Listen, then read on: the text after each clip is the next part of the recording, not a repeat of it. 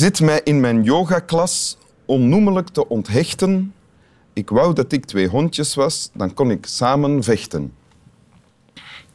Een gedicht van eh, Humo's huisdichter Jo- Johan Sebastian Stuur, die soms speciaal voor Winteruur ook een gedicht schrijft. Voor mij en Swami Bami. Wij zijn dan de twee hondjes in dit gedicht. Eh, een ondubbeling van mijzelf. Ik ben in het wit en de hond is ook in het wit vandaag. Ehm, maar eh, we hebben een gast vandaag in Winteruur en die heet Lennart Korevits. Klopt. Welkom in Winteruur, Lennart Korevits. Dag Wim, dank u. Het is een eh, hele eer voor mij om hier eh, eindelijk te mogen zitten. Ja? Ook al heb ik een panische angst voor honden. Is dat zo? Ja, Oh. en ehm, ik dacht nu dat Boris gestorven was, dat dat hier... Ja. Een ander, dat er een ander En dier nu zou komt er gewoon een ander dier. En dat is een- Ja. ja. het, is eenzelfde, het is dezelfde hond. Hij valt bijna nooit aan. Nee, hij, is wel, hij ziet er wel heel lief uit. Ja, Dus het valt ja, goed mee met, mijn, eh, met mijn angst. Ik ga voor die paar mensen die niet weten wie jij bent, je nog even introduceren. Je bent samen met je broer de helft van de Compact Disc Dummies. Klopt, ja. Eh, hoe, zeg je dat? Pop-rock? Nee, eh, een ro- rockgroep? Nee, ja, ja, Ehm. postpunk. Postpunk, pop, rock, electro, Ja.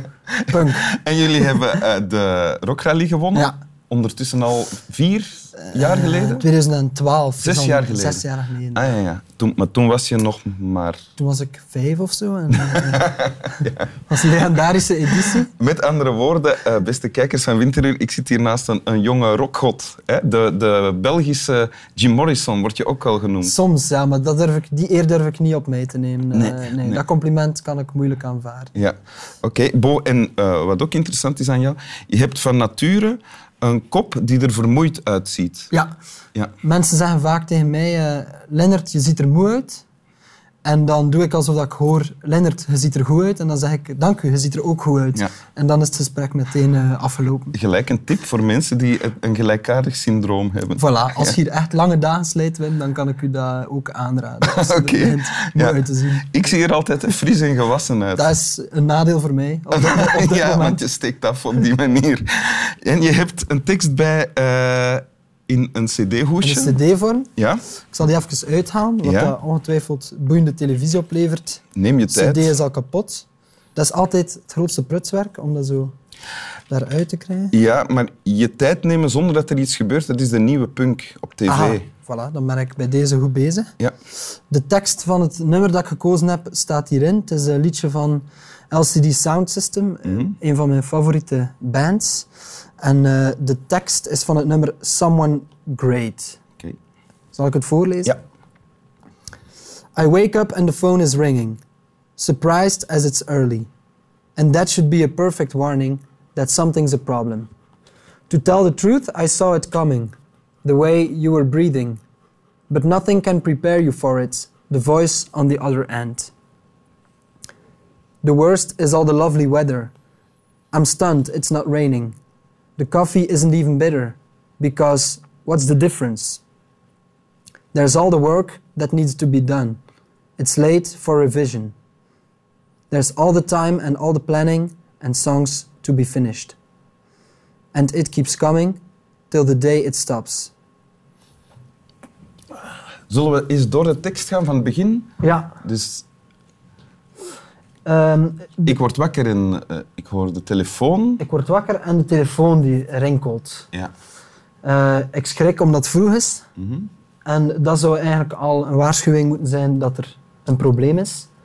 En als ik eerlijk ben, zag ik het aankomen op de manier waarop dat je ademde. Maar niets kan er u op voorbereiden, de stem aan de andere kant. Klinkt dramatisch, alsof er iets heel erg... Ehm, ja, dat, dat is het ook wel. Ehm, het, het, gaat over een, ehm, ja, het gaat over iemand die een telefoon krijgt, s ochtends, dat er eh, een goede vriend van hem gestorven is. Dus de zanger James Murphy, die een telefoon krijgt van, eh, ja, dat zijn beste vriend, een, een eh, psycholoog, gestorven is. En ehm, ja, ik vond dat heel mooi omschreven eh, in die zin dat je direct voelt van eh, dat, er iets, dat er iets niet klopt. En gewoon de manier waarop dat hij onregelmatigheden beschrijft, heb je al een gevoel van, oké, er is Impending iets... doom. Ja, voilà, Ja, impending doom. En dat is eigenlijk een heel goede manier om gewoon een nummer te starten. Ja, want hij zegt, eigenlijk had ik het kunnen weten, Ja, Eh, en toch het moment dat ik de stem hoor aan de andere kant van de lijn, die dan waarschijnlijk zegt, uw vriend is dood. Eh, Dat is wel wat veel mensen zeggen ook als er iemand eh, gestorven is. Van, ja, eigenlijk wist ik dat het moment zou komen, maar een keer dat je het dan hoort, is het wel nog altijd ehm, schrikken of Ja. eh, ja, speciaal. Oké, en dan gaan we verder. Het ergste is het mooie weer. Ja. Ik ben verbaasd dat het niet regent. En de koffie is zelfs niet bitter. Want wat is het verschil? En er is zoveel werk dat moet gedaan worden. Ehm, het is te laat om te herbekijken. Ja. Ehm, er is zoveel tijd en zoveel planning die moet gebeuren. En er zijn nummers die moeten afgewerkt worden. En, dan, en het blijft komen tot de dag dat het stopt. Ja. Ja, dat, dat vind ik de wijste ehm, strofe, al- als in de mooiste. En dat was ook de eerste keer dat ik het hoorde, dat ik iets had van, ah ja, oké, ik, ik snap waarover dat gaat. En, en dat was heel herkenbaar in die zin. Als er iemand sterft, verwachten dat heel de wereld stopt met draaien en dat iedereen eh, zegt van, ah shit, die persoon is gestorven of dat is gebeurd. Maar de wereld draait gewoon door. En eh, eigenlijk zou het moeten zijn zoals in een film, dat je met een paraplu rondloopt en dat er regen komt en dat er, dat er eh, triestige muziek speelt. Ja. Maar vaak is dat niet zo en dan is het gewoon goed weer en, en, en hij sterft, maar de wereld Blijft eigenlijk onverschillig. voilà, blijft redelijk onverschillig over die dood. En zelfs de koffie op de begrafenis, die smaakt soms zelfs lekker. Wat dat eigenlijk, ook, eigenlijk zou dat... Dat is eigenlijk de bedoeling. Nee, dat zou echt slechte koffie moeten zijn. Ja. En dan zou de, ehm, dan zou, de, zou de echt vies moeten smaken. En, en dat, vind ik ook, ja, dat vind ik ook schoon. En dat hij dan ook zegt van... eh, er is zoveel werk dat moet gebeuren. Ja, de begrafenis moet gepland worden of dit of dat. En eh, er moeten nummers afgewerkt worden in Ja. die zin van... Oké, ik moet ook verder met mijn leven, maar ik weet niet direct hoe, maar we moeten wel... ehm, En al die dingen zijn eigenlijk verder. tegelijkertijd aanwezig. Ja, hè? in dat ene moment ook Ja. een beetje. Ja. En, ehm, ja, en dat gebeurt, dat blijft komen, al die dingen, totdat tot dat stopt. En dat Ja. vond ik ja, multi-interpreteerbaar als, de, als een... eh, dat je, ja, het, leven, het leven gaat door totdat het stopt. Je zei dat net de eerste keer dat ik het hoorde, dan trof mij vooral ook deze strofe. Hè? Ja. Hoe oud was je dan? Ehm, ik denk dat ik iets van 13, 14 jaar was of zoiets. 13, 14 jaar. Ja. Dat ik het eerst hoorde, nummer, maar dat ik de tekst verstond, was ik 16 of 17. Ah, ja. Omdat ik vond dat altijd een gewoon nummer. Maar eh, een keer dat ik dan op de tekst begon te letten, had ik ook door van, ah ja, ja, dat betekent ook iets. En eigenlijk, ik las niet zoveel en zeker niet in het Engels.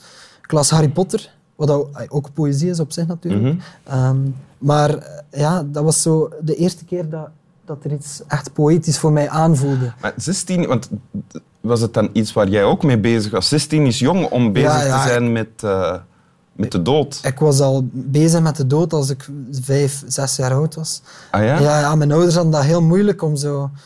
Ik was wel een, een blij kind, maar het probleem was dat ik altijd bezig was met... eh, ja, maar ja, ik moet nog naar school en ik moet nog dat. En, en op een dag ga ik sterven, wanneer ga ik alles doen ehm, dat er nog moet gebeuren. Vanaf je vijf, zes jaar was het was aanwezig. echt heel jong, dus dat was wel... ehm, mijn ouders wisten ook niet zo goed hoe dat ze daarmee om moesten. In die zin van... eh, ja, het is niet normaal dat je als klein manneke daar zodanig mee bezig bent. Waren die ongerust? Ja, die waren wel wel ongerust. Ehm, maar ik was eigenlijk vrolijk, maar gewoon de keren dat ik dacht aan de dood en dat het leven zou stoppen en dat ik niet wist wat dat erna kwam. Ik geloofde ook niet in, in God of zo, die dingen, dus dat hielp ook niet, zo catecheselessen en zo. Nee. Dat hielp niet, omdat ik wist van nee, nee, het is dan echt gedaan. Maar was je je dagelijks bewust van je sterfelijkheid dan? Ja, vooral s'avonds. Als ik, als ik ging gaan slapen, dan eh, kwam dat. Dat ik dacht van, ik ga nu gaan slapen en ik ga niet meer, ik ga niet meer wakker worden. Ja, dat was, dat was het ergste.